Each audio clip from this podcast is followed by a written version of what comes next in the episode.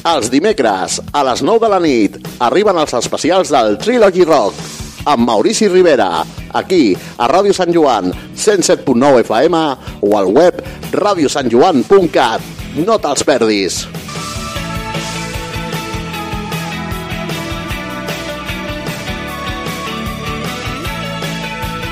Ràdio Sant Joan, una cançó, una emoció.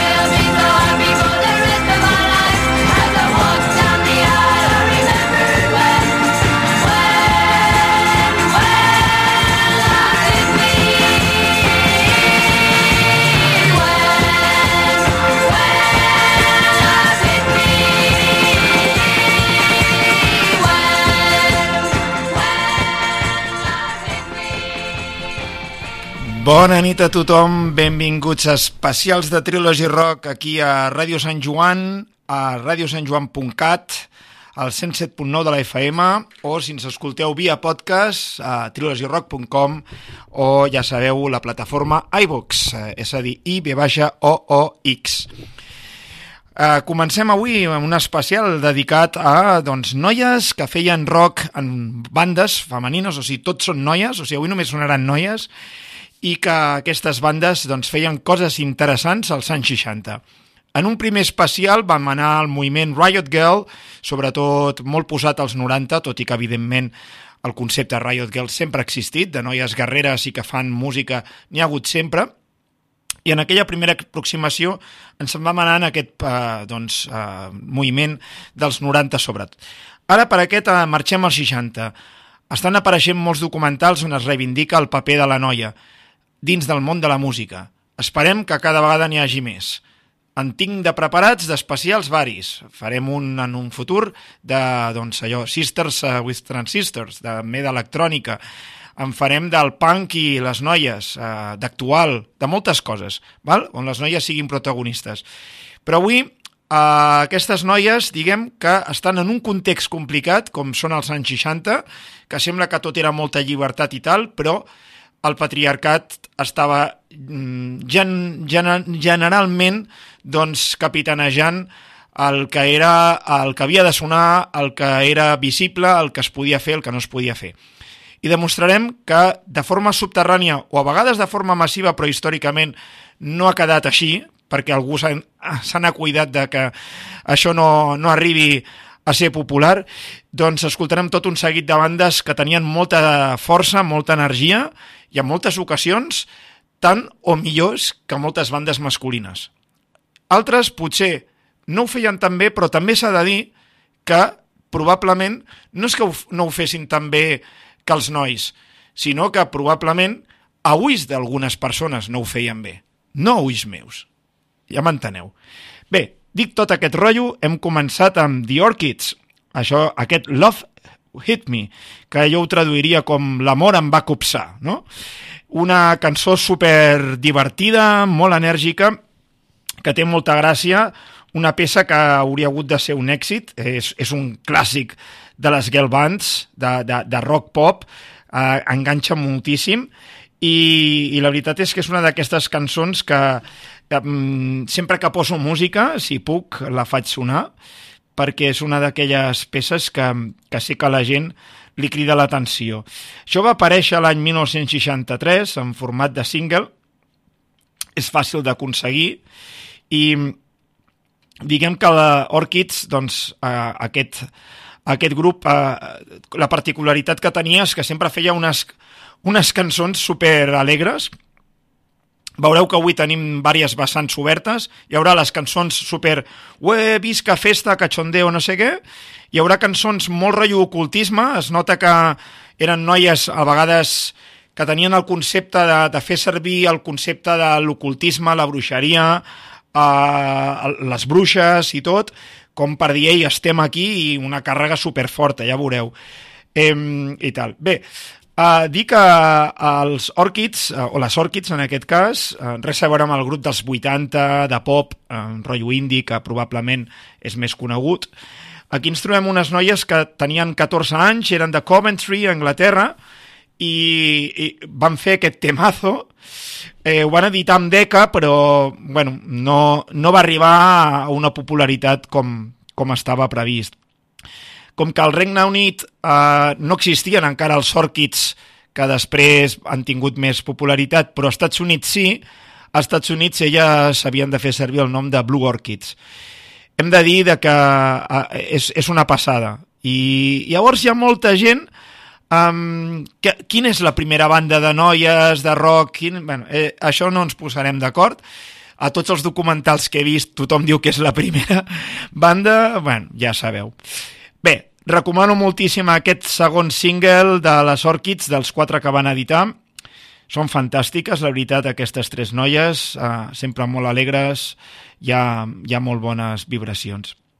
Anem amb un altre tema, va, ja que estem, estem començant amb alegria, què podem dir de la següent banda? Crec que jo diria que les vaig, les vaig descobrir gràcies a un d'aquests programes que fa el, ara l'ha fet a vegades a la BBC Six, però també el feia a diferents emissores d'Estats Units, a l'Ezra Furman, i on recomana música antiga, nova, de tot, bueno, una mica de tot. I aquí va recomanar una banda, i vaig flipar en colors, The Tamis, també tres noies, uh, amb el, tenen el sobrenom de E- Egyptian Shumba, ja veureu que és el títol de la cançó com coneguda, que ha esdevingut un clàssic, un tema doncs, de culte, que va ser el seu segon single l'any 64, i la, la veritat és que és, és brutal, eh? o sigui, ara el que escoltareu, venien apadrinades per al Lu Christie, i diguem que aix- això, eh, si no ho coneixeu, i si ho coneixeu igual, probablement us alegrarà la nit. Vinga, The Tamis Egyptian Shumba.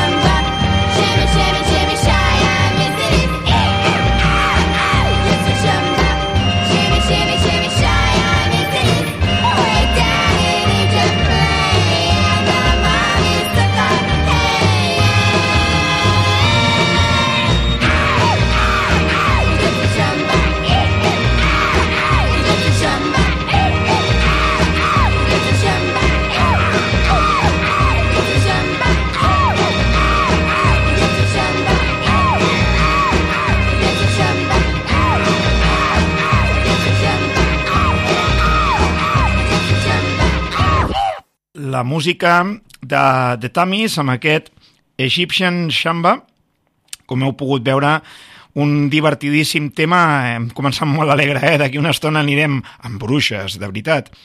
És broma, però sí que és veritat que uh, aquest tipus de, de grups a mi, a mi em tornen boig, m'encanta realment eh, com sonen, no?, aquest tipus de bandes així tan animades.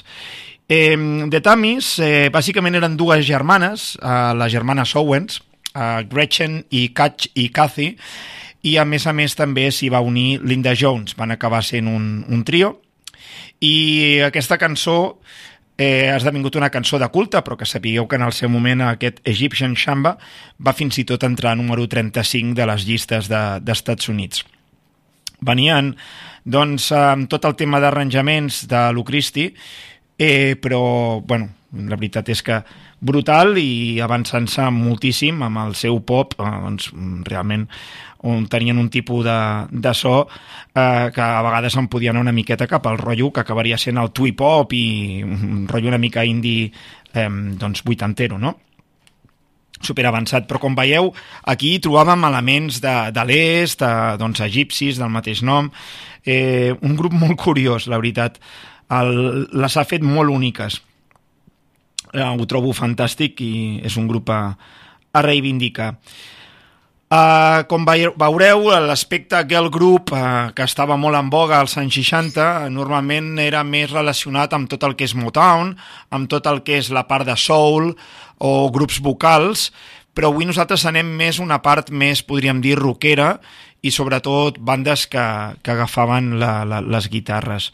És el cas de, per exemple, el grup The Shees, un grup uh, molt interessant que també recomanem moltíssim, sobretot la seva cançó anomenada The Fool. The Shees van treure super poc material eh, l'any 66, treien de fet un single amb cara i cara B, i la cara B és una miqueta la, la que ha aconseguit una mica de repercussió.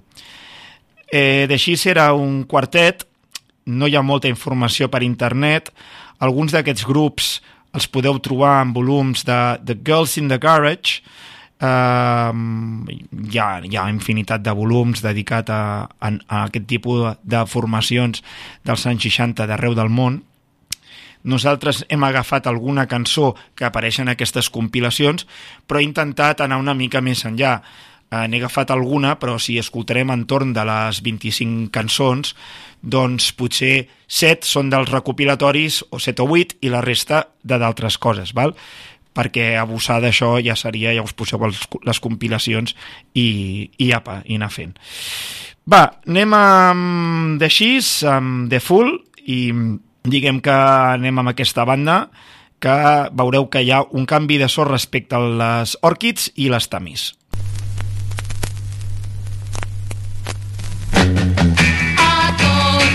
beautiful.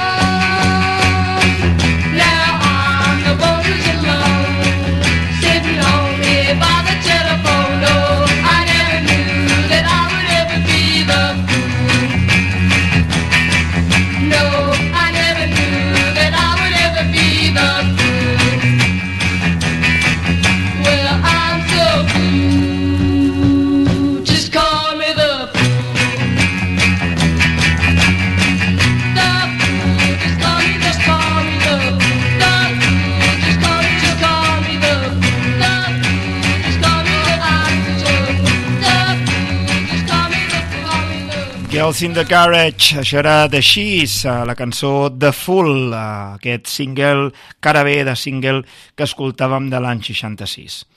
Anem ara amb la nostra banda de portada de l'especial, ens traslladem cap a Nashville, a Tennessee, Estats Units, per escoltar The Feminine Complex, una banda on l'ocultisme hi formava bona part del seu repertori les allunyava del, la, del so convencional de garatge i de psicodèlia habitual de l'època de la segona meitat dels 60, el fet de que tinguessin aquest tipus de, de so i entorn d'elles es va gestar... Bueno, hi ha qui diu que eren bruixes de veritat, eh, eh, es va gestar com una mena de, de, de, de mal rotllo, no sé com dir-ho, de, però, de mal rotllo, però no amb el sentit de, de males persones, sinó de d'aquest aquest so com fosc, de les seves lletres, de, del que explicaven, de, de com ha anat tot entorn de, de la banda. La veritat és que el, el, ara aquest 2020 i 21 s'ha estat reeditant el seu material i mm, curiosament algunes de les seves cançons van ser èxits locals. A, a, la cançó que escoltarem va ser un èxit a, doncs a, a Tennessee, no? a l'estat de Tennessee, però a nivell de, després de, de més global dels Estats Units doncs no va tenir tant èxit. Ha quedat també com una banda de, de culte i, i ja us dic, hi ha, hi ha tot un tota una mena de submón entorn d'aquesta banda que, que bueno, és fascinant. Escoltem Hide and Seek i us explico unes quantes coses més respecte a aquest grup perquè dona molt joc, la veritat. Això és The Feminine Complex.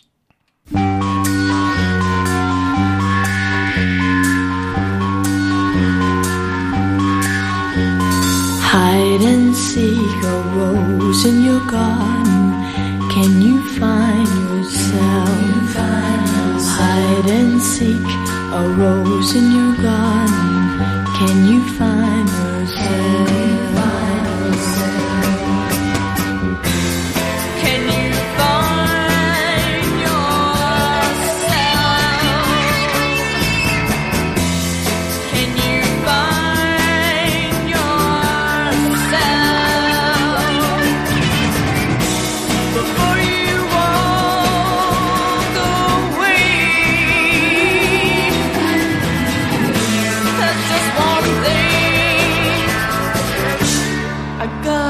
Say.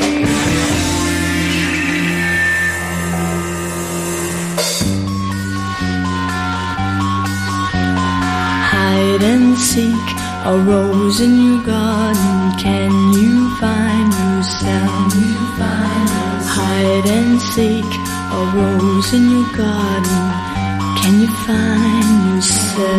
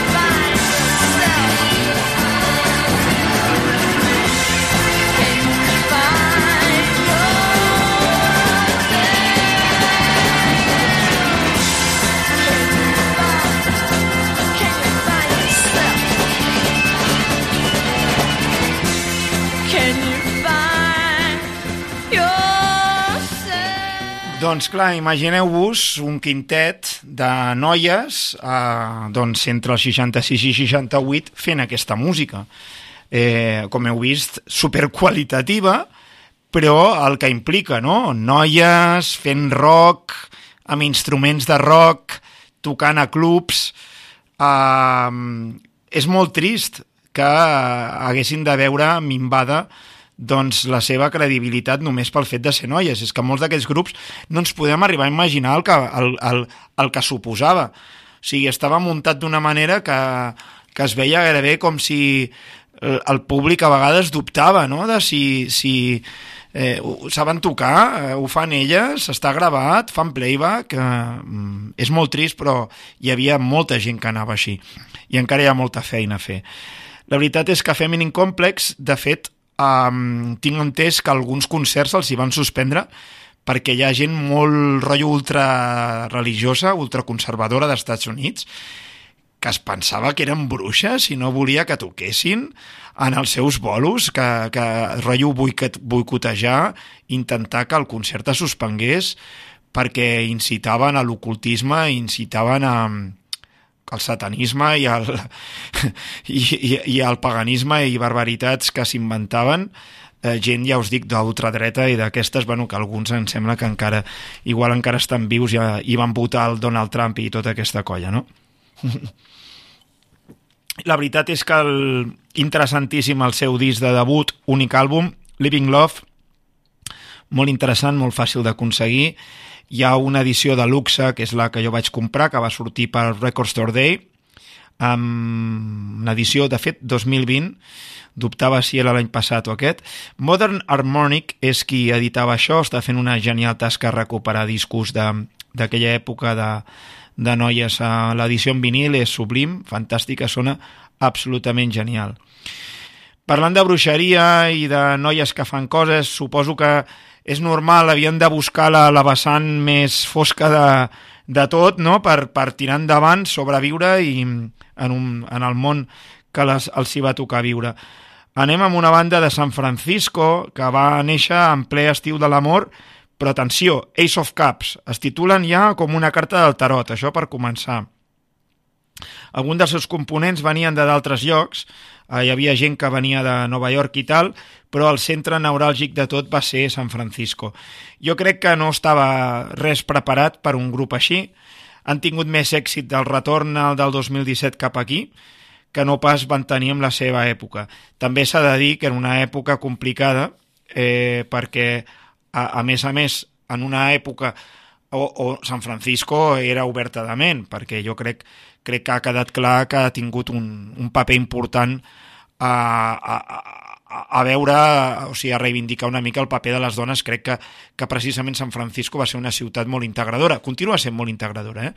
eh però vulgueu o no, igualment, clar, hi havia moltes bandes, era un moment de... increïble per, per la ciutat tot anava molt ràpid i passaven moltes coses, cada dia hi havia festivals, bueno, tampoc cada dia, eh? però cada setmana hi havia festivals, hi havia moltes coses, i diguem que, que el grup ha passat això, no? que, que ha quedat com a grup de culte. La banda, doncs, eh, en aquest cas, doncs, el, el que va passar és que doncs, també va adoptar un tipus de, de so peculiar. Val? Eh, ja més posat, podríem dir, en mesclar rock, alguns elements d'R&B i folk rock. Però també tenia aquest petit regust que no saps a vegades si t'estan parlant de follets o t'estan parlant de coses de l'ocultisme o simplement que es van fumar uns quants porros i, i expliquen coses una mica així d'això. Bé, el que sí que està clar és que uh, la música és interessant. Uh, anirem amb una cançó potser no tan òbvia, tot i que és un grup molt desconegut, no he anat a la cançó més coneguda, però una que avui em venia més de gust perquè crec que és més característica del que estem fent avui. Afro Blue. És Ace of Cups. Ah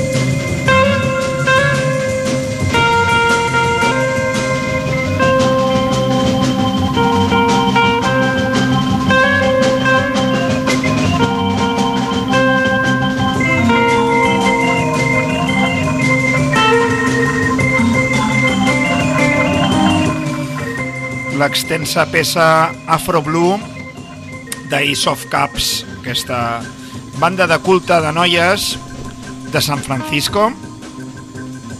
Molt interessant. Anem ara amb un quartet que ens arribava des de Los Angeles. Continuem encara a Califòrnia, un quartet que ha passat per noms com The Four Queens, The Teen Bucks, que tenien, curiosament, eh, com a Teen Bucks, tenien una cançó que es deia Tinitis, o sigui, com si fos, en comptes de que, que fe, fent un joc de paraules entre adolesc adolescent i, i, i tendinitis, no?, en anglès, no?, diguem, eh, bastant curiós. Eh, crec que eren originals posant els noms a les cançons a alguns grups d'aquests o, o un grup que es deia per exemple Virginia Woolfs um, com la, la, l'escriptora Virginia Woolf però diguem que ha acabat a mesa no? ha escrit Wolves, es- Wolves eh? com, com si el plural correcte de llop no? molt, molt ben trobat també però amb qui anem ara són The Girls, una banda relacionada amb tots aquests grups que estic dient i que editaven doncs, només dos singles. Hi ha moltes bandes, algunes no estic posant ni les més famoses ni estic posant les que a mi, les que a mi em ve de gust en la selecció d'avui. Jo he dit que faré una selecció i no estic anant ni a més famós ni menys famós ni, ni d'això. Estic posant les cançons que a mi avui m'estan venint de gust, que totes tenen en comú que estan formades les bandes per noies, són dels anys 60 i uh, fan rock o estils pròxims al rock. En el cas d'aquestes noies, de Girls, estaven entre el garatge, a vegades anaven cap al funk, eh, podien trobar-se algun element de soul.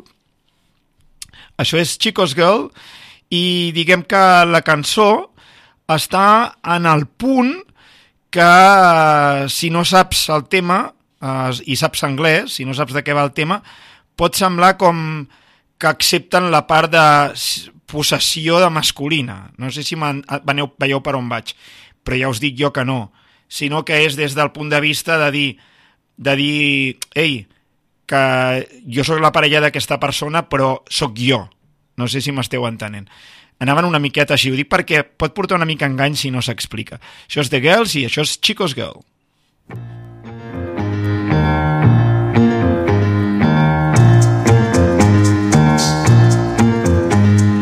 Chico wears a jacket that says rebels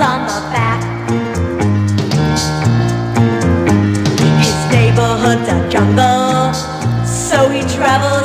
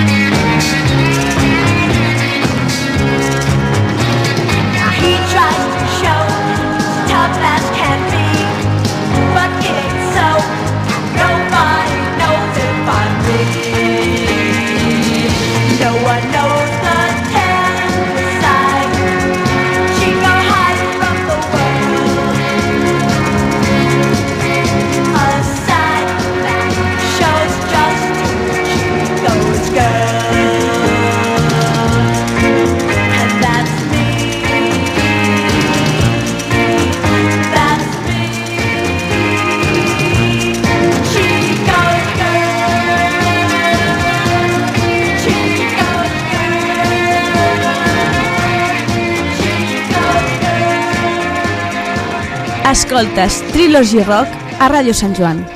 The Girls, Chico's Girl, era això. I jo m'ho estic passant molt bé, eh? m'ho estic passant molt bé amb aquest especial. La veritat és que avui ho estic podent fer en directe. Eh? Estic aquí als estudis de Ràdio Sant Joan, esteu amb mi, amb en Maurici Rivera. Us estaré acompanyant encara amb una bona quantitat de eh, noies que avui són les protagonistes d'aquest especial i diguem que Uh, com veieu um, bueno, doncs estan fent rock i diguem que fan coses interessants Anem ara amb una mena de supergrup que només va treure un single i que és super poc, de, és super poc famós, super poc conegut, però hi ha gent hiper mega curiosa uh, darrere d'aquesta banda. Es diuen White Pets. The White Pets va ser un trio que inclo, incluïa doncs, Bibi Hansen. Bibi Hansen, Janet Kerouac i Charlotte Rosenthal. No sé si amb aquests cognoms sou conscients de qui són aquestes persones. Doncs sí, la Bibi Hansen és ni més ni menys que la mare d'en Beck Hansen, el músic Beck. La seva mare era actriu i feia música i era la filla de l'Al Hansen, el mític Al Hansen, doncs, que era doncs, un reputat mm, doncs també podríem dir doncs, artista de diferents arts de performance i visual i també fins i tot música. Eh, a més a més, la Bibi Hansen doncs, tenia una fama, eh, com us dic, com a actriu, però també va fer alguna cosa de música, com, com ara us estic explicant. Per una altra part, ens trobem una escritora, com és Janet Kerouac, que era igual que el seu pare, en Jack Kerouac, eh? I, i llavors hi ha la Charlotte Rosenthal, que també eh, era escriptora. O sigui, diguem que gent coneguda o diguem de, de família coneguda però també famosa amb les seves pròpies tasques que es va unir pues, per fer una mica de single de cachondeo i passar-ho bé. Eh? Um, diguem que la Bibi Hansen ja també després va editar música amb el seu propi nom i tal, i a l'any 64 es van unir i van fer doncs, un single que eh, és divertit, com veureu. És I Want to Talk to You, són The White Pets. I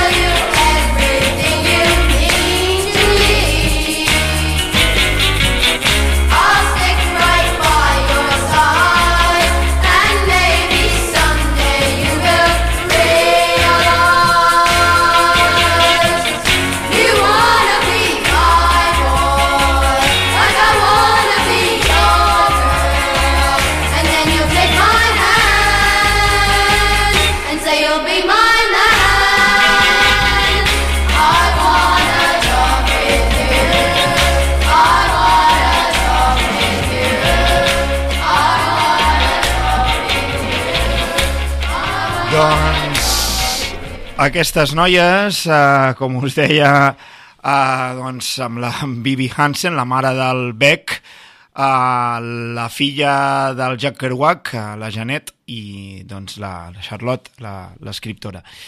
I feien aquest divertit single, aquesta píldora de pop. Parlant de píldores de pop i de noms curiosos, anem, ens quedem encara l'any 64, anem amb les Beatlets. Les Beatlets, doncs, agafaven el nom dels Beatles i li posaven la part femenina, doncs, si els Beatles és masculí, les Beatlets és femení, i treien aquest single, Now We're Together. Ja veureu que incorporen a sobre sablassos de cançons dels Beatles. The Beatlets. Well, I know I'm only 17,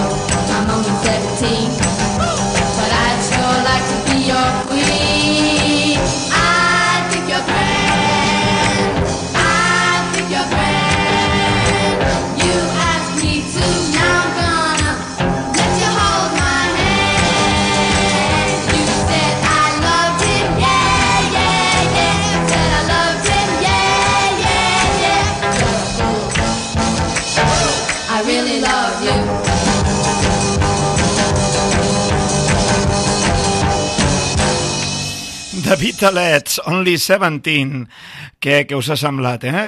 és, és que hi ha coses supercurioses.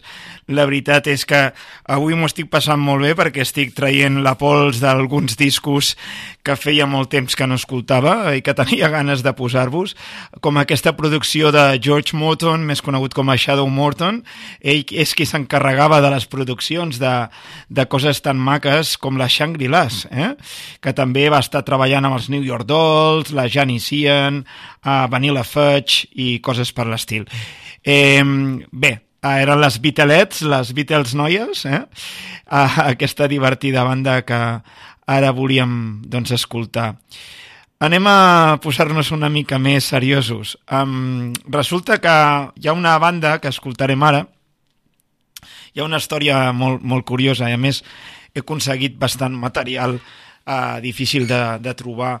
Encara estic buscant una cinta, un casset uh, bastant mític un, un, doncs d'aquesta banda que escoltarem, però tinc bastant material. Ara m'explico millor. Unes noies canadenques anaven provant fortuna, anaven intentant trobar sort als anys 60. La cosa no, no rotllava a Canadà, sí, anaven fent coses i tal, però van dir, ostres, tot el rotllete que ens mola està al Regne Unit. I, bueno, doncs van decidir de, de bueno, doncs anem a, al Regne Unit i tal. I es van instal·lar a la ciutat de, precisament de Blackpool, que quan vaig fer l'especial de Blackpool en vaig parlar. Eh, he aconseguit material de les Misfits, la banda Misfits, amb dues sesses. Res a veure amb el grup Misfits de punk, horror punk i tal del Danzig i del Doyle i això. Allò és, és un tema diferent i és de després. Allò és de la segona meitat dels 70s i 80s. Jo ara estic parlant de la banda dels anys 60 de noies que es deien Misfits, però amb el joc de paraules, no?, de, de que mm, Miss, o sigui, de noia, no?, amb dues sesses, i o sigui, jugaven amb la pronunciació i l'escriptura de la paraula misfit. No, no sé si m'esteu entenent per on vaig, no? I, i la veritat és que el sí, jo crec que és, és genial el tipus de, de, de, de joc de paraules. Misfit amb una S, que seria com la paraula normal ben escrita en anglès, vol dir inadaptat. Val? Amb dues S no existeix, és només el grup de música, però clar, com que Miss és noia en anglès, amb dues S, bé, no sé si s'està entenent, m'estic liant bastant, però crec, crec que sí, o sigui, ho escriuen amb dues S perquè sigui com inadaptades noies, noies inadaptades. Crec que ara sí que s'ha explicat millor. Llavors, aquest grup estic buscant una cinta i tinc la manera gairebé d'aconseguir-la, però no, no la tinc. Ja tindria la discografia completa de la She Trinity, que és com després, un cop ja instal·lades del tot a Blackpool, en el moment que van rebre doncs, tractament discogràfic des de Columbia Records, van canviar el seu nom per She Trinity. Val? Van iniciar-se en versions He Fought the Law, la típica cançó, eh, Yellow Submarine, l'altra típica cançó dels Beatles i tot això. Cançons que tots coneixem. Però després jo crec que el suquillo d'elles de, és quan feien les cares bé intentant agafar un so cada vegada més propi del hard rock. Eh, farem una petita trampa, anirem amb una peça de l'any 70, moment on tanquem l'especial, val? i jo crec que també cal destacar la presència que a l'entrada de Beryl Mansden, que Beryl Mansden era una cantant anglesa, va donar molta, molta mm, projecció britànica a la banda. Van tenir algun èxit menor, històricament estan a reivindicar, i la veritat és que sublim l'article que va aparèixer a la Record Collector de setembre dedicat a les Misfits i G-Trinity. Anem a escoltar aquest, aquesta petita joia de rotllo una miqueta hard rock anomenada Climb That Tree de G-Trinity.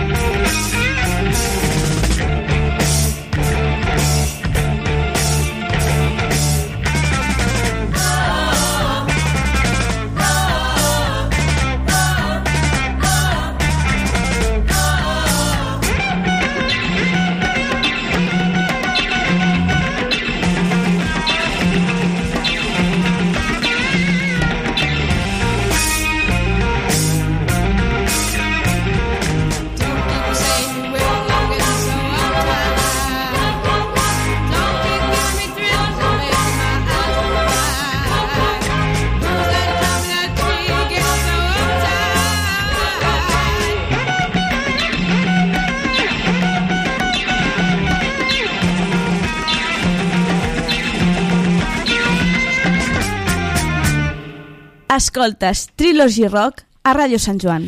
Doncs molt xula aquesta peça. She Trinity, això era Crime That Tree, una cançó, ja us dic, que a mi a She Trinity on em tiben més és quan fan temes propis i aquestes cares bé tan sucoses que van editar.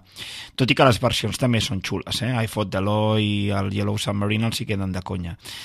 Anem ara amb una banda que mm, és notícia perquè han vist reeditada tota la seva discografia en forma d'una mena de compilació. Són Goldie and the Gingerbreads.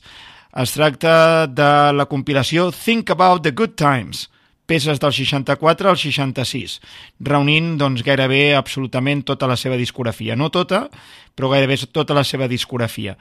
I dic no tota perquè aquí el que trobem bàsicament són els, um, els singles que estaven sobretot editats amb Decca. Uh, Goldie and the Gingerbreads era una banda de quatre noies val? que van anar de gira amb en Xavi Checker eh? i diguem que a partir van- d'aquí van començar a, va començar a passar coses, no? O sigui, clar, aviam, el Let's, Twist- Again, la veritat és que estava en boca de tothom. Xavi Checker, de cop treu el The Twist, el, el Let- Let's Twist Again i no sé quantes coses, uh, i es, esdevé un èxit mundial, fins i tot al nostre país, no? Llavors, clar, poder fer de taloner d'aquest home era la hòstia, no? Llavors, les seves cançons, a partir d'aquí van començar a agafar nom, van entrar, doncs, en, en varis moments a, a llistes no? del, del més venut i tot això. Bueno, la, la veritat és que és, és una banda sorprenent, amb músics molt bons, la veritat, eh, aquestes quatre noies, la veritat és que feien molt bé les coses. Van estar, doncs, també eh, recolzats per grups com, com Eric Burden and the Animals, van anar de gira pel Regne Unit amb els Stones, els Animals, els Beatles, els Yardbirds, els Hollies, els Kings, molts grups més es van llaurar un nom també treballant a l'Star Club de- d'Hamburg, de Hamburg, i bueno, doncs és, un, és un grup curiós. Nosaltres ara anem a escoltar una d'aquestes peces, com és uh, Can't, you, Can't You Hear My Heartbeat? Pots escoltar els meus batecs, o el meu batec, això és Goldie and the Gingerbreads.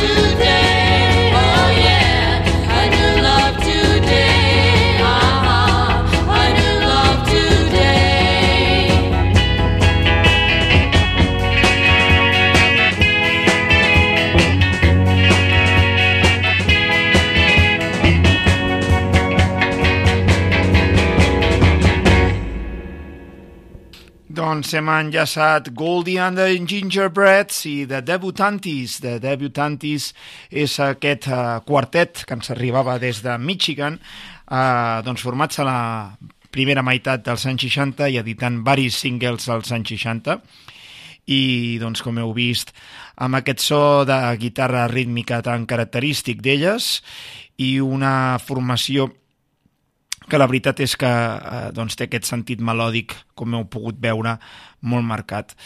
Eh, un grup interessant que, mm, eh, diguem que van veure doncs, com es reeditava la seva música, eh, també en un format de compilació recentment, també de forma super encertada, a través de la discogràfica anomenada Beat Rocket, al 2018. Per tant, és, és fàcil de, localitzar-ho. Uh, també amb, amb molt ben publicat, tot molt interessant i bastant, bastant guapo. Uh, anem ara amb una altra banda que també volem destacar, com són Daughters of Eve. Um, tot i que el seu nom pot tenir un rotllet uh, religiós, no, no, era, no, era, no és el cas, eh? no és un grup de música cristiana, perquè ens entenguem. Muntades a mitjans dels 60 també a Chicago i mm, diguem que, que va passar que el mànager de la banda Buckinghams, un grup que vam poder entrevistar en el seu moment, estava tenint doncs, super, super èxit, eh, número 1, en un grup que estava una miqueta en boca de tothom i tal, i llavors tot va anar una miqueta de que, de que volia que hi hagués algun tipus de banda, que pogués anar bé, eh, que, algun tipus de grup que pogués fer de taloners, si en algun moment en alguna cançó podien fer cors mentre tocava els Buckinghams, o sigui, allò de, de fer com rotllo combo en els dos grups i, i si cal toquen plegats i aquestes coses. Bueno, eh, sí, això va ajudar i ha fet que probablement Daughters of Eve tinguin una miqueta més de renom respecte a alguna de les bandes que hem escoltat, però novament la història ha sigut molt injusta amb tots aquests grups, la veritat. Mm, trobo que, que hi ha moltes d'aquestes bandes que haurien hagut de tenir més, més renom. Esperem que la història acabi sent justa amb la gent que ara Uh, per sort, ara que comença, tot i que hi ha molta feina a fer, ara que comença a visi, visi, visibilitzar-se més uh, la noia dins del món de la música, doncs esperem que, que això millori. I, i, I quan dic la noia em refereixo també a tot el col·lectiu LGTBI i que tot s'ha de veure amb normalitat. Aquí dir, no importa, importa la proposta, no qui fa la proposta. Crec que queda claríssim. Anem amb les Daughters of Eve, uh, aquesta banda que us deia de Chicago, amb bastants singles editats als 60, incloent, per exemple, aquesta peça que ara escoltarem, com és A New Love Today. Ara sí. Hey,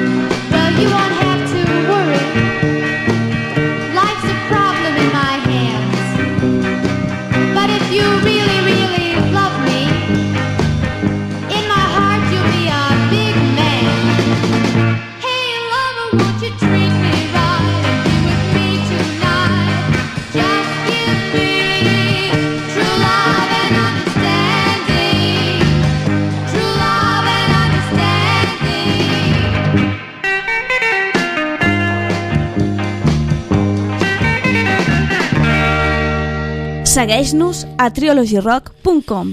Si sabeu, eh, doncs, eh, si voleu saber com s'escriuen totes aquestes coses, si voleu seguir una miqueta el que estem posant, eh, punxant aquí i comentant, podeu anar a trilogyrock.com, que estic actualitzant la playlist i quedarà doncs, registrada per saber-ne ben bé una mica més de tot plegat i també ho penjarem a les xarxes socials de Facebook i Instagram.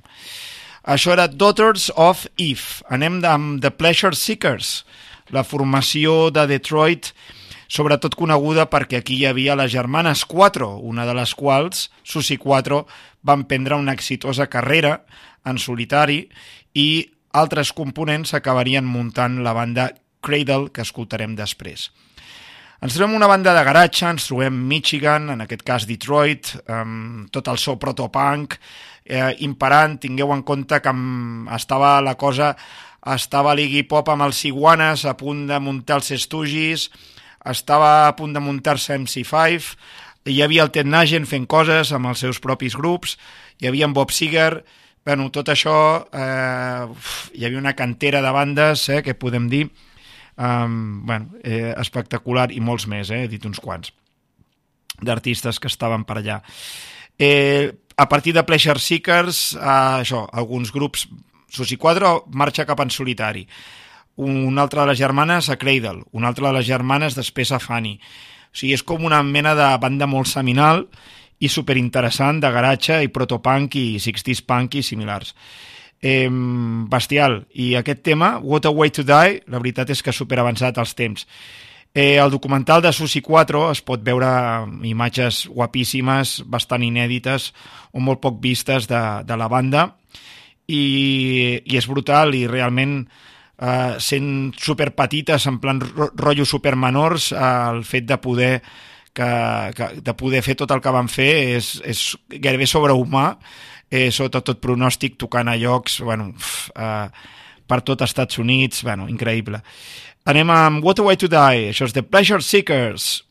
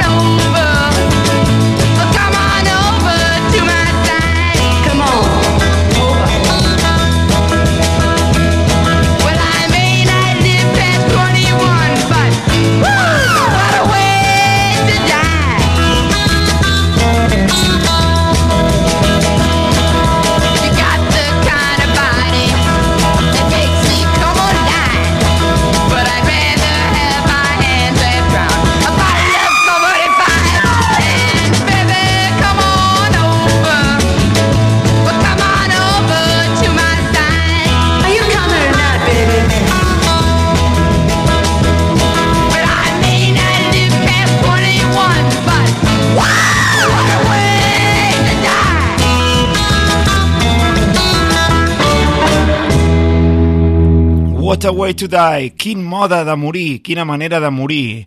protopunk, com heu vist, temazo de Pleasure Seekers.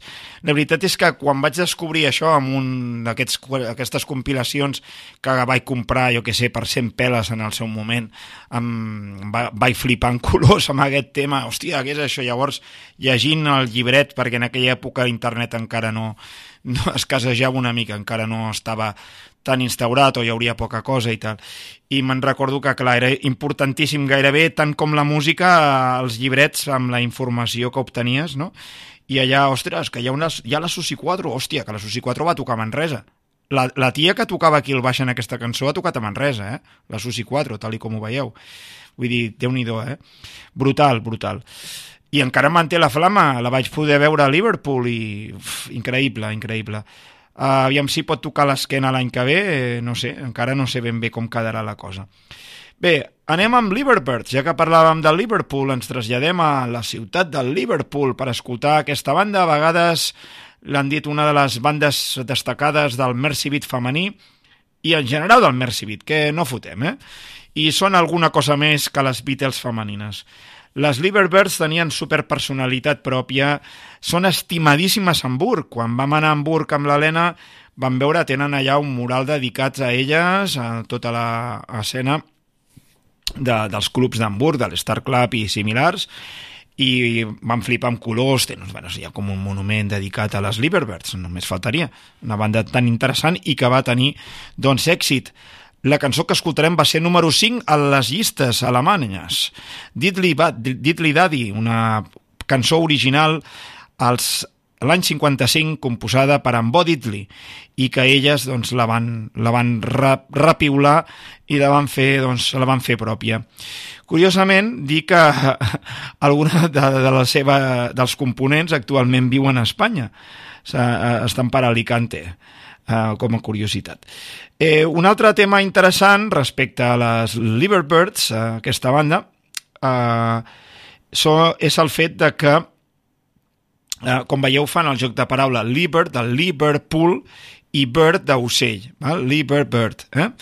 Eh, curiosament hi ha una compilació que us recomano a tope i mm, que es va editar eh, també l'any passat, va ser el meu regal de, de Nadal de, i es tracta doncs, de la compilació anomenada From Merseyside to Hamburg, The Complete Start Club Recordings, una compilació excel·lent que recomano, que en la seva reedició del 2020 és encara millor, superior que la del 2010.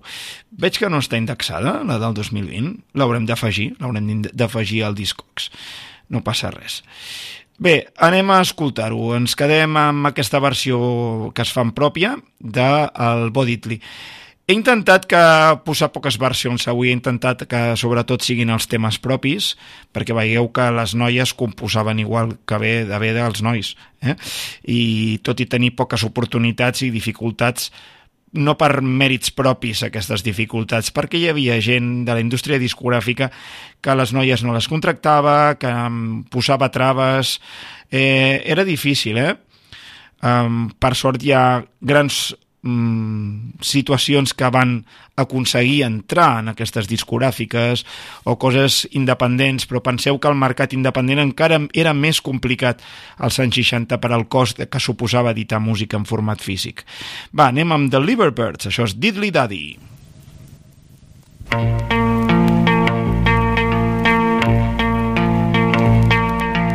Dilly dilly dilly dilly daddy.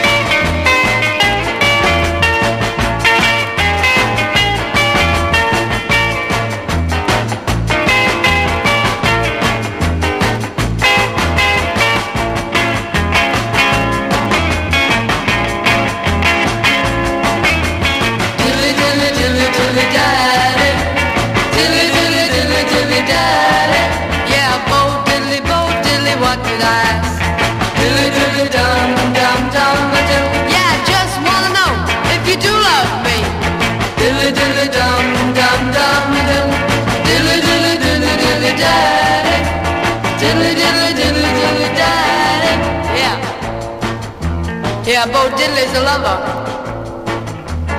Yeah, Bo Diddley's a gunslinger. Bo Diddley rides again. Yeah, he sure rides again.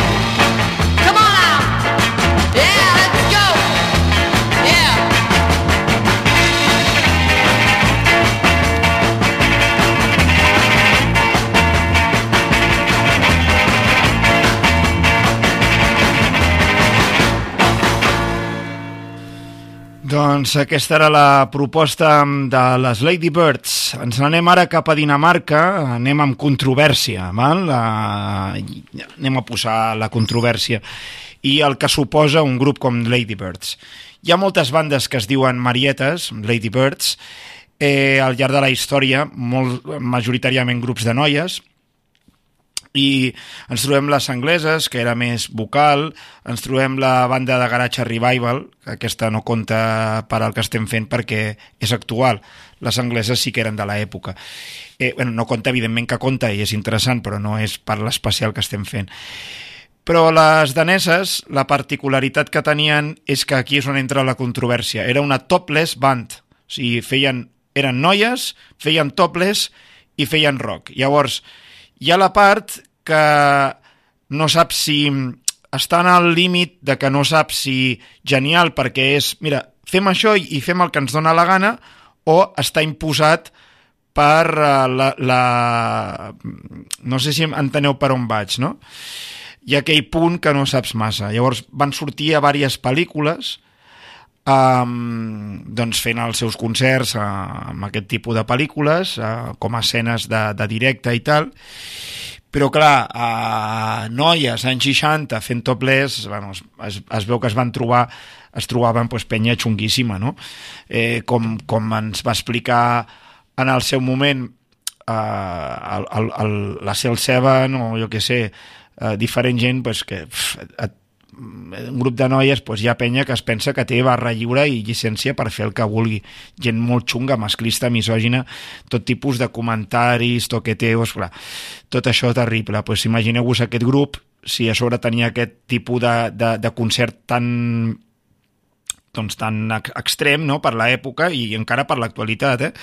doncs provocava que hi hagués gent que um, deuen tenir un cervell molt petitó o, o gent um, que el, els impuls, no sap controlar l'impuls primari i es van trobar amb tot tipus de coses, fins al punt de després la banda va reubicar les seves components amb altres coses doncs probablement doncs, fugint una miqueta de, de, de, del que van patir a través de, de formar part de Lady Birds, que també hi van haver moments molt macos eh, dins del grup, evidentment.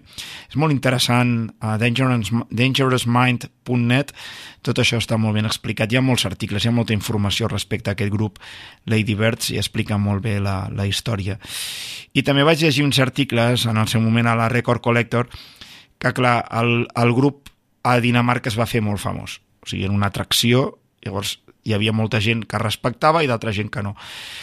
Eh, no sé, a mi em mola que facin el que els doni la gana i tant de bo, tant més com si surten amb topless o sense topless, això per mi és zero problema i és si és llibertat tant d'expressió com de llibertat de la dona, ho veig perfecte, mentre no sigui que se'ls obliga i que si no fas això llavors tens problemes. No sé si m'esteu entenent o que hi ha penya que, que és uh, curta i pues, uh, veu una noia amb els pits a l'aire i no entén que mm, s'ha de respectar igualment i que està tocant i ja està. Bé, va, com que jo crec que la gent que m'escolta està conscienciadíssima de tot el que estic explicant no cal fotre el rotllo. Anem amb una de les cançons que es recopila gràcies a Modern Harmonic novament en Something Weird, Greatest, Greatest Hits, la compilació de les cançons que van aparèixer en les diferents pel·lícules, com aquesta. Sock it to me, baby.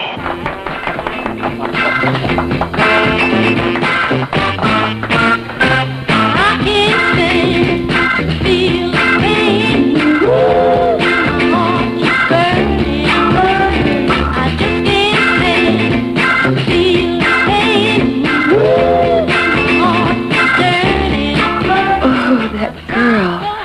She was so lovely. But good thing they had her in a cage. The featured act came on. The Ladybirds. Oh, they were good. I was surprised. They were all lovely girls.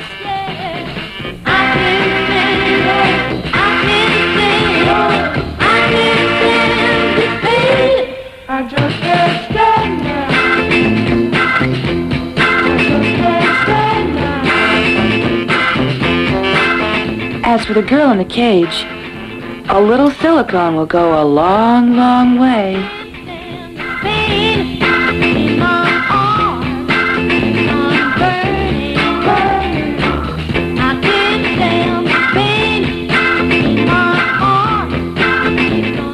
Some of the guys in the club were kind of wild-eyed. if I could read their minds, I would have blushed all over. One thing was obvious. In America, a girl with a beautiful bust line can make her fortune. Oh, look at me. I'm proof of that.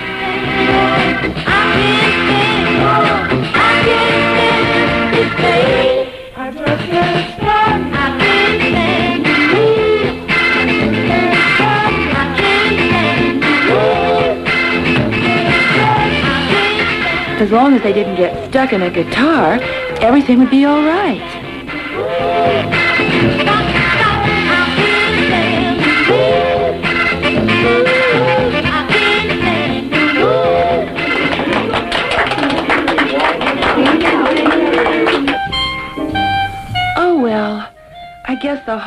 Doncs was sí, uh, aquest grup, uh, com heu vist, uh, les gravacions, al ser doncs, al directe de- des de les pel·lícules, uh, s'han editat així, eh? o sigui, així tal i com sona. Doncs uh, ens n'anem ara cap a una banda de Nova York molt curiosa que es deien Enchanted Forest, un grup uh, doncs, de quatre noies que doncs, van estar al principi eh, doncs, to- tota una sèrie de versions dels Beatles, dels Stones i tal, fins que van començar a fotre eh, temes propis. De, de cop se'n van anar cap a... van muntar un segon grup, també anomenat Enchanted Forest, però amb gent diferent, a Ottawa, a Canadà, eh, i diguem que hi ha dues etapes. Van editar poc material, però a sobre, eh, per complicar-ho més, doncs amb dues etapes. Eh, curiosament també van fer mm, algunes històries amb en Tiny Tim, amb aquella veu tan peculiar que tenia en Tiny Tim, i nosaltres eh, hi ha una foto bastant divertida a Discogs on les pot veure doncs, eh, agafant en Tiny Tim.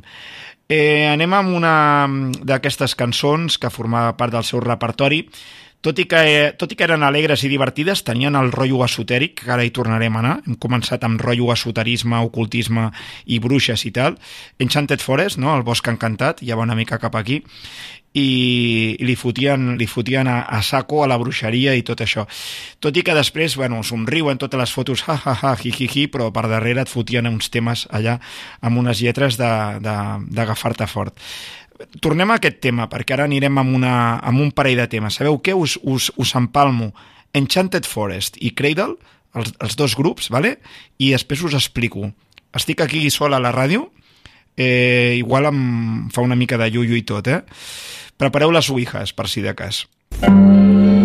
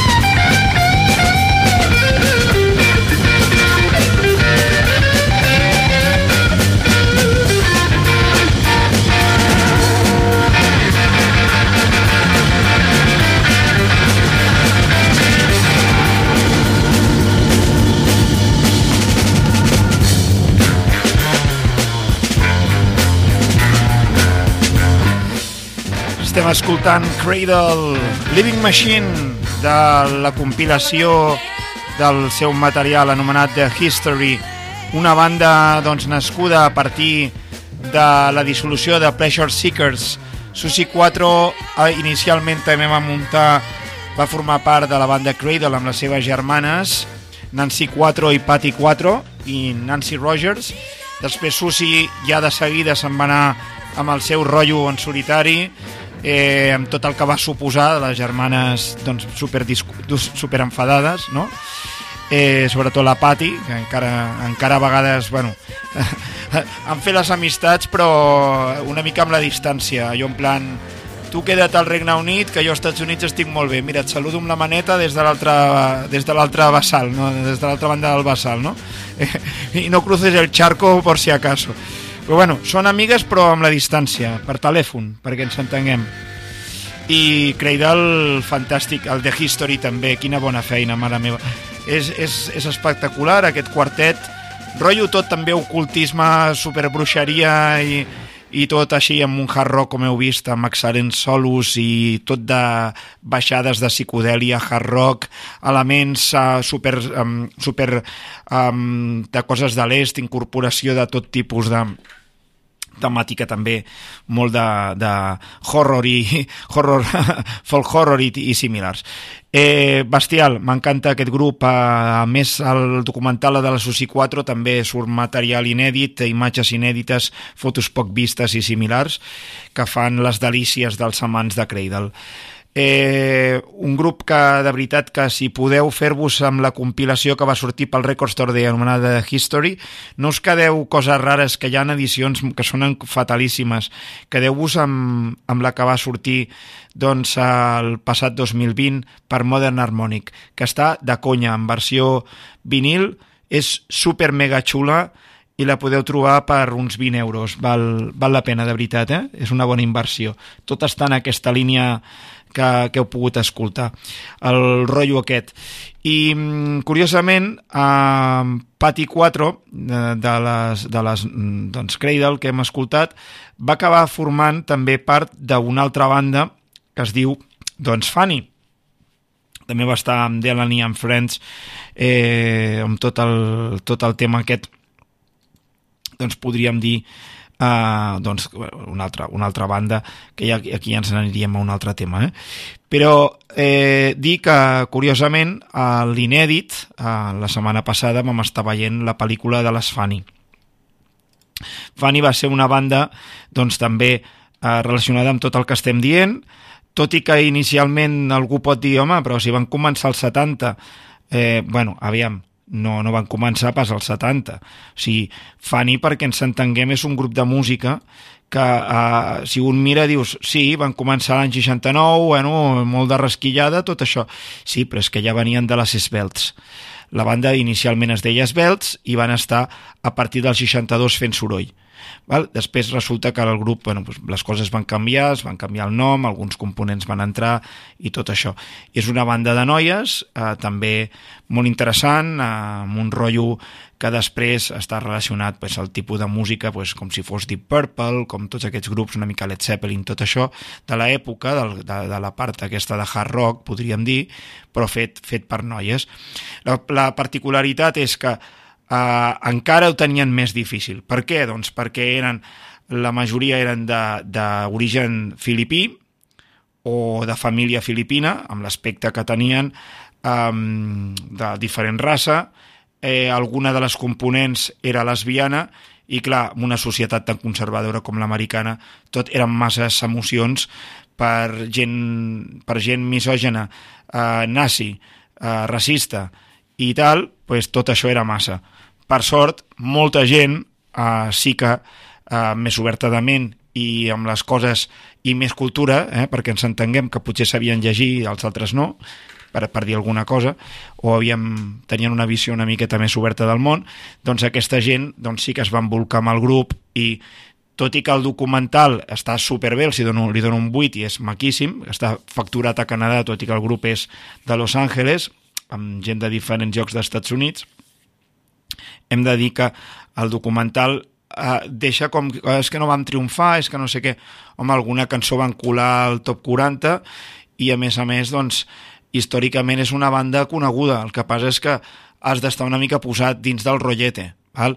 jo entenc què volen dir. No és de Deep Purple, Led Zeppelin tot això, que ho, Black Sabbath que ho coneix entre cometes moltíssima més gent. És una banda que eh, quan es parla del rock doncs s'ha com borrat el seu nom tot i que el Bowie, per exemple, com que va, mm, va, va estar sortint amb una de les noies, també les va ajudar i tal. Però tot és per temes de voluntat pròpia i de tota la bona tasca que van fer elles mateixes. Eh? Vinga, anem amb una peça que m'estic enrotllant molt. Recomano el documental doncs, entorn de Fanny i ens quedarem amb doncs, una cançó que va formar part del seu disc de debut i que també rosa el moment final de l'especial eh, de l'any 70. Vinga, anem a escoltar Fanny i anirem una mica de cara a la idea que m'estic enrotllant tant que vull posar totes les cançons i no vull passar massa de les dues hores. Vale? Per tant, eh, ja si podem tancar les dues hores o així. Això és Ladies Choice. Fanny. This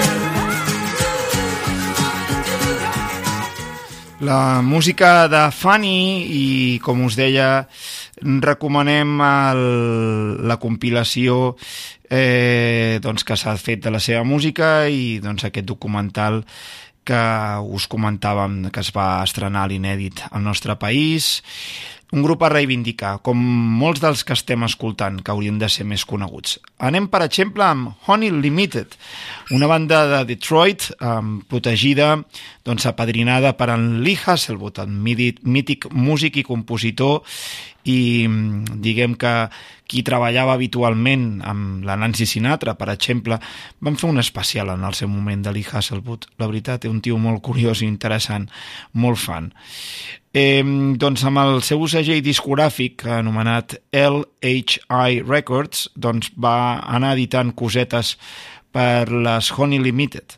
Les Honey Limited també han vist una excel·lent compilació anomenada The Complete LHI Recordings gràcies a Light in the Attic, el mític, eh, el mític segell discogràfic doncs, que, tot i que també edita música nova, es dedica sobretot a recuperar joies ocultes de la música des de Seattle um, doncs, a, a fer aquestes històries. És qui s'amaga de tot l'èxit mm, per exemple, la discogràfica que s'amaga de tot l'èxit de, del que va ser el, el Rodríguez, eh? el músic Rodríguez, i, i d'això. O sigui, el documental es va gestar perquè ells hi havien posat mà. Va, anem amb Honey Limited, amb la col·laboració d'Ali Hasselwood, i mm, també eh, fan una versió, podríem dir, una miqueta esotèrica del Lua Lui. Eh, ja veureu.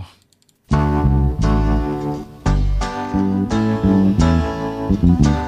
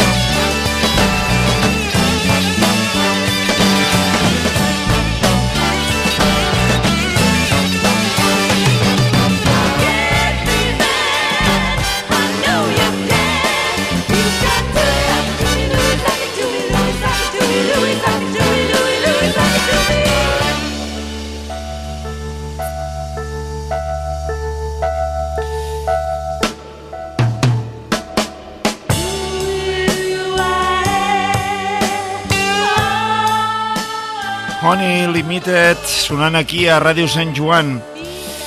I ara tornem a la controvèrsia. Es tracta de que posarem The GTOs, Girls Together of Treasuresley.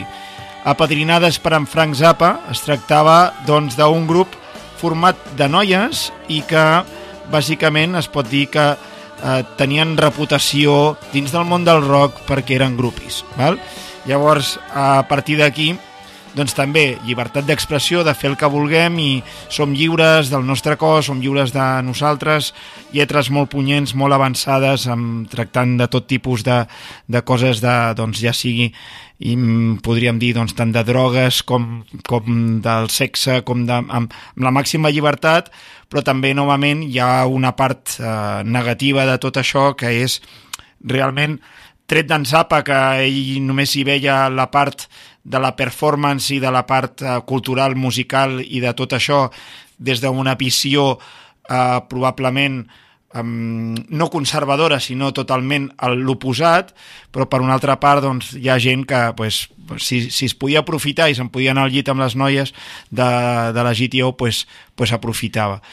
Eh, si mm, entenc que sempre era consensuat, però no sé, jo aquestes coses eh, me les miro una mica amb de distància, em fa certa por de pensar de, de, de, de que, que probablement en algun moment no era així, no sempre sé si, si hi havia la, el, el consens, no? Eh, tant de bo que sí. Eh, bueno, una, una cosa està clara és que el, a mi el disc m'agrada, potser musicalment eh, no és una meravella, és un disc eh, qüestionable a nivell de, de qualitat musical, però Permanent Damage té, té la seva gràcia. Uh, L'any 69 sortia Circular Circulation com a, com a single i després també hi hauria l'únic disc de GTOs. Això és el que escoltarem ara.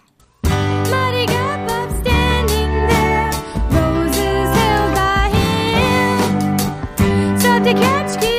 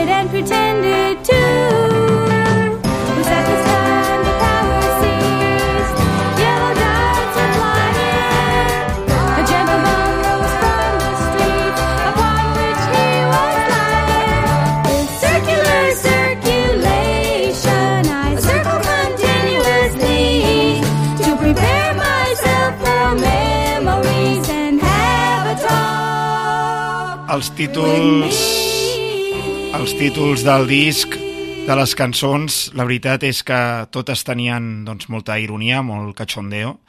Aquesta ha acabat sent coneguda com a Circular Circulation, però el títol doncs, més complet és Do me in once and I'll be sad. Do me in twice and I'll know better. Circular Circulation. Eh, mm, Fes-me un cop i estaré trista. Si ho fem dos cops, potser n'aprendré més. Sí, perquè es feu a la idea. O, per exemple, la primera conversa amb els que feien els que feien escultures de penis, o sigui, motlles de penis. Uh, un altre, el fantasma encadenat del passat, el present i el futur. Um, la conversa, una altra conversa amb els que feien motlles de penis però a Chicago. Tal qual, eh? Això són títols de cançons que, eh, etc etc. Bueno, és, un, és rotllo, això jo, crec que és antifolk, però de l'època, no? Cachondeo, padre.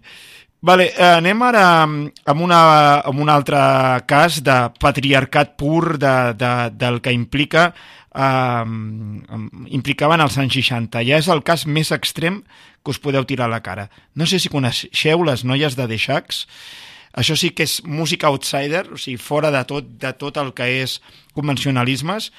El Frank Zappa diu que és el, va dir que és el millor grup del món. Eh, El seu Philosophy of the World diu que Philosophy of the World diu que és el millor disc de la història va sortir l'any 69 hi havia un pare que volia o sigui, era amant del rock i volia que les seves filles fossin estrelles del rock i les va tancar dies i hores i tal a dins del garatge de casa i va dir heu de sortir d'aquí sabent unes cançons i les gravarem i farem calés val? i clar, doncs les noies pues, no sé, per tocar has de tenir uns mínims d'aptituds. I llavors ha quedat un disc que és tot descoordinat cadascú va pel seu rotllo i ha quedat com una mena de cacofonia històricament, un disc de culte. Jo reconec que el tinc, a mi em mola aquest Philosophy of the World.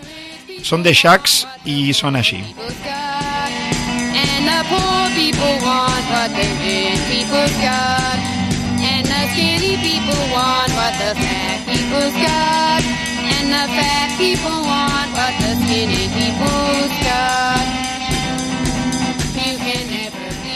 Clar, és, és xungo, eh? Les pobres germanes allà currant-s'ho i tal, i a vegades també s'hi afegia algun altre familiar i tal, però això era Fremont, a New Hampshire, als Estats Units, i això, i, i han tastat el pare i tal, i, i heu de fer això, bueno, era el seu somni i tal, i les noies pues, hi posaven la seva màxima voluntat. Sí que hem de dir que um, Dorothy, Dorothy Dodd Wiggin, una de les components, després, o sigui, ara toca de conya, eh? toca de puta mare i ha tret material de recentment que, que sabem que diferent gent del moviment antifolk, eh, amics nostres, doncs els hi han donat un, un cop de mà i, i d'això, sí, sí, tal qual. You can never please anybody in this world. Vinga, anem cap a Europa, escoltem Plomons. It was a Manchester station.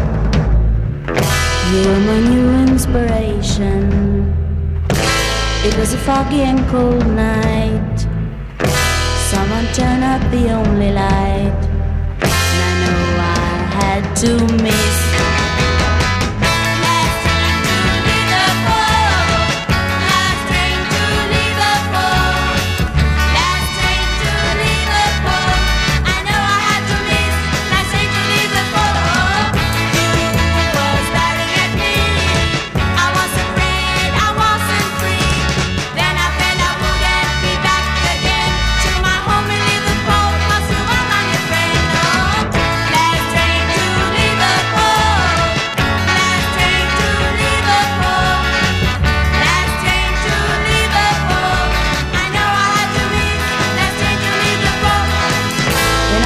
The other man who was waiting for me.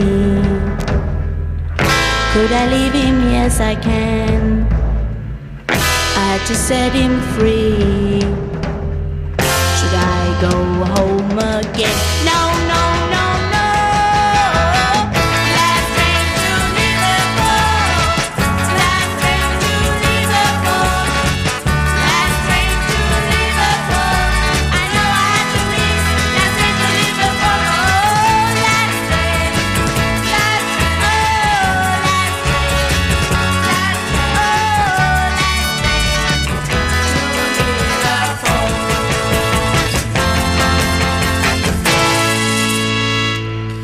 I hem continuat amb la proposta de les Plomons des de Sundbyberg a Suècia.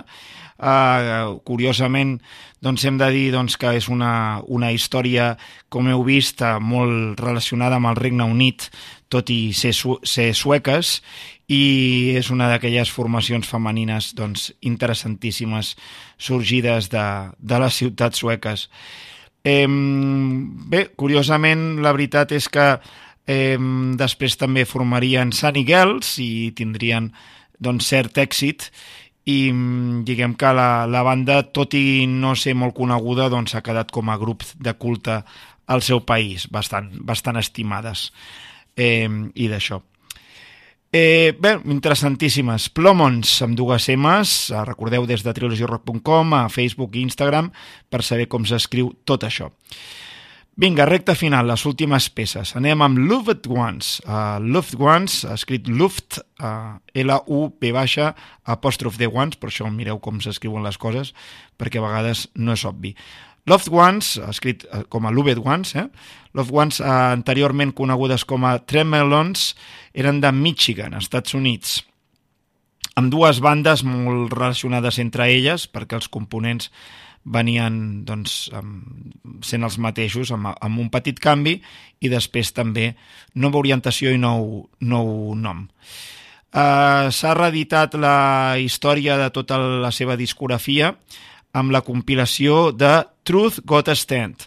Això apareixia amb Sundays a finals dels 90 i novament el 2021 doncs, s'ha ha acabat editant tot amb Beat Rocket, fent una bona tasca amb dues edicions.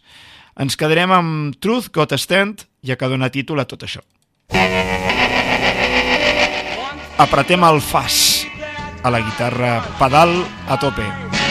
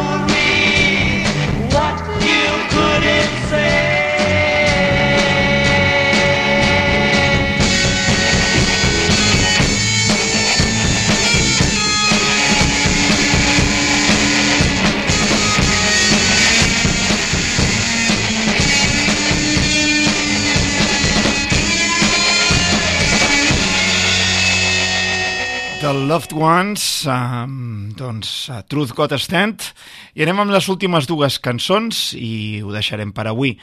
Eh, anem amb Dara Puspita. Dara Puspita means, mm, significa uh, ni més ni menys que Flower Girls, noies, uh, doncs noies f- amb, amb flors i coses d'aquestes, no? Eh, es tracta d'un tipus de proposta de garatge i rock eh, in- d'Indonèsia que va tenir moltíssima popularitat allà. Són de la ciutat de Surabaya. En el seu moment, el programa del garatge, que es feia a Ràdio Cardedeu i que portava l'amic eh, Oriol Serra, doncs recordo de fer un especial de grups femenins eh, doncs de- d'Àsia, eh, de Japó i tot això i tal. Eh, en altres especials que farem, perquè avui Japó no, crec que no he posat ningú. Eh, tinc molta cosa, eh, també, vull dir, puc, puc fer un altre dia, no hi ha problema. Eh, farem més especials. Avui posaré aquesta cançó de Dara Puspita, un altre tema, i per avui ja ho deixarem, però que aquí podria estar hores, eh? o sigui, només amb, el, amb l'acotació que hem fet de, de noies rock i anys 60. Va, anem amb aquestes uh, particulars uh, d'Ara Puspita i ho farem amb la divertida Pip Pip Ja.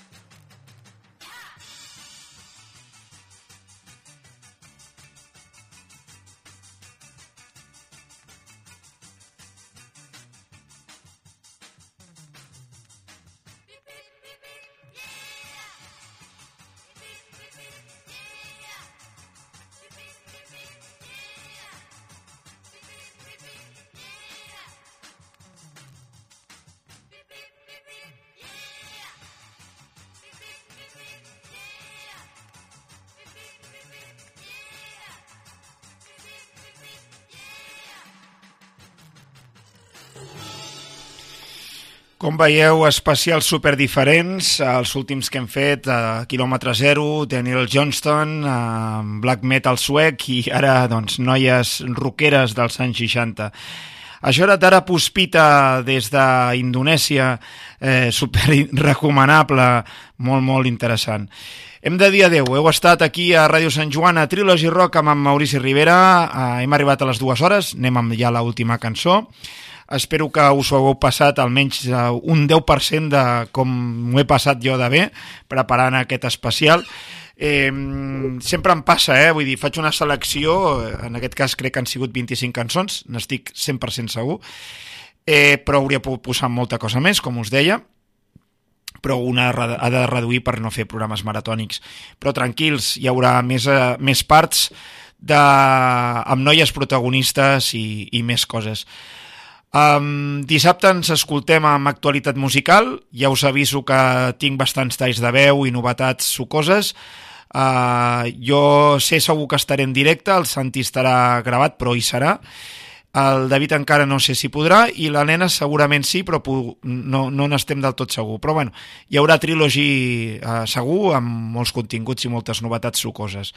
Què farem dimecres que ve? Encara no us ho puc confirmar. Ho he d'acabar de gestar, val? Res, que acabarem amb The Watford, amb aquesta formació de Manhattan, a Nova York.